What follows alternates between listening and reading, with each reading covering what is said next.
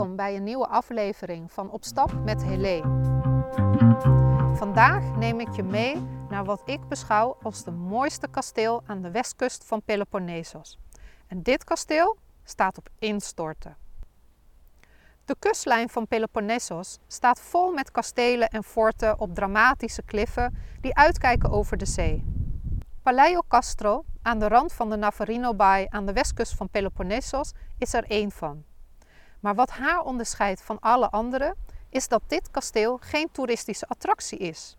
Het ligt er zelfs geheel verlaten bij en de toegangspoort staat op instorten. Er is ook maar één onverharde, hobbelige weg naar het oude Navarino-kasteel. En die gaat over een dijk in de Navarino-baai. En aan het begin van het wandelpad naar boven staat een bord met de melding dat het kasteel gesloten is vanwege serieus gevaar. De meeste bezoekers negeren dit bord. Want het vooruitzicht om te gaan dolen over een verlaten kasteelterrein met uitzicht over de Navarino-baai, het beroemde Foidoquilia-strand en de zee is gewoon te verleidelijk. De basis van het huidige kasteel werd in 1278 door baron Nicolas II Saint-Omer gebouwd. Hij was de zoon van een Franse ridder die voor zijn diensten ten tijde van de kruistochten grondbezit kreeg in Griekenland. Van Nicolas II is bekend dat hij vrijwel onneembare forten bouwde. Paleo Castro aan de Navarino-baai is er één van. Hij was niet de eerste die het nut van de nederzetting op deze klif inzag. De Atheners hadden in 425 voor Christus hier al een nederzetting gebouwd. Ze gebruikten het als een uitvalsbasis om de Spartanen een lesje te leren. En nog verder terug in de tijd zou koning Nestor uit de gedichten van Homerus hier een haven hebben gehad. Een grot aan de noordkant van deze klif, waarop het kasteel staat, verwijst er nog naar. En ook is vlakbij dit kasteel een graftombe gevonden die wordt toegeschreven aan een zoon van koning Nestor. De klif grenst aan één kant aan de Ionische Zee. Aan de andere kant ligt de Giolova lagune en Voidokilia strand. Het is nu moeilijk voor te stellen dat hier ooit een haven en een stad was gevestigd met de naam Pylos. Doordat het kasteel pal naast een smalle doorgang naar de Navarino-baai en de Giolova lagune is gebouwd, had de eigenaar van het kasteel volledige controle over wie er kwam en ging. De smalle doorgang was een waarborg voordat schepen er veilig konden aanmeren. Niet alleen veilig voor piraten, maar ook qua kwante van het water in deze afgeschermde baai. Het oude Pylos is er niet meer. Het huidige Pylos ligt nu helemaal aan de andere kant van de baai. Nicolas II overleed in 1371, waarna zijn bezit in de handen viel van het algemene hertogdom. Hij was dan wel twee keer getrouwd, maar had geen kinderen gekregen. En lange tijd ging het kasteel van hand tot hand, tot 1423. Toen verwierven de Venetianen het kasteel, na vele jaren van onderhandelen. Ze hebben er alleen niet zo lang van kunnen genieten, want al in 1500 moesten ze het kasteel overdragen aan de Ottomanen. En in 1572 gooiden de Ottomanen de ingang naar de Navarino-baai bij Paleo Castro dicht.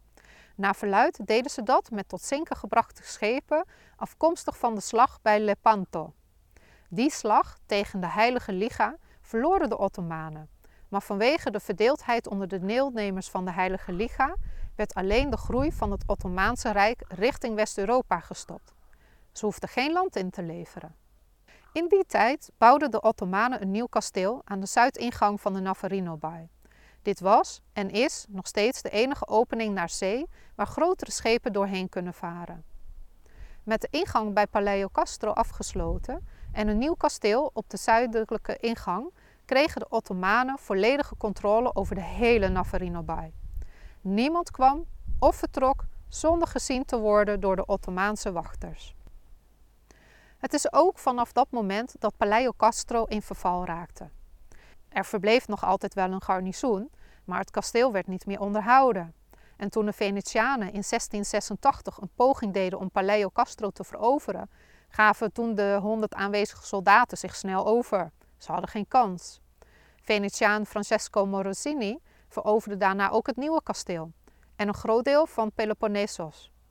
Maar in 1715 pakten de Ottomanen het land met bijbehorende kastelen weer af van de Venetianen. Een van de oude toegangspoorten van dit oude kasteel staat open, 24 uur per dag. De deuren zijn al lang geleden verwijderd. En gelijk na binnenkomst zie je een toren aan de rechterkant die half is omgevallen. Ook voor een leek is het helder dat binnen niet al te lange tijd de toren verder zal instorten en er nog enige aanwezige entree naar het binnenterrein van dit kasteel zal afsluiten. Eenmaal op het terrein van Paleo Castro kun je over de oude vestingmuren wandelen met uitzicht over de Ionische Zee. Diverse paden leiden je over het terrein. Deze zijn gevormd door de bezoekers die er voor je zijn geweest. En één pad leidt de bezoeker naar een binnenpoort. Die gaat naar het hoogste gedeelte van het kasteel. En al verder struinend over het terrein kun je dan oog in oog staan met andere kasteelmuren, diverse ondergrondse opslagplaatsen en muurtjes van wat vroeger vastgebouwen zijn geweest. In dit hoger gelegen gedeelte kun je ook over de vestingmuren wandelen, maar dan aan landzijde. Daar kijk je uit over Voidokilia met haar halfronde strand en de vele duinen. En in de lagune zie je flamingo's en witte reigers door het ondiepe water waden. Echte avonturiers kunnen vervolgens via een opening in de muur nog afdalen naar Nestors grot. Een bezoek aan dit Paleo Castro is niet zonder risico. Niet alleen is er sprake van innerstortingsgevaar, maar er bestaat ook het risico om te verliefd te worden op dit uitermate mooi gelegen middeleeuws kasteel aan het randje van de Navarino-baai op Peloponnesos.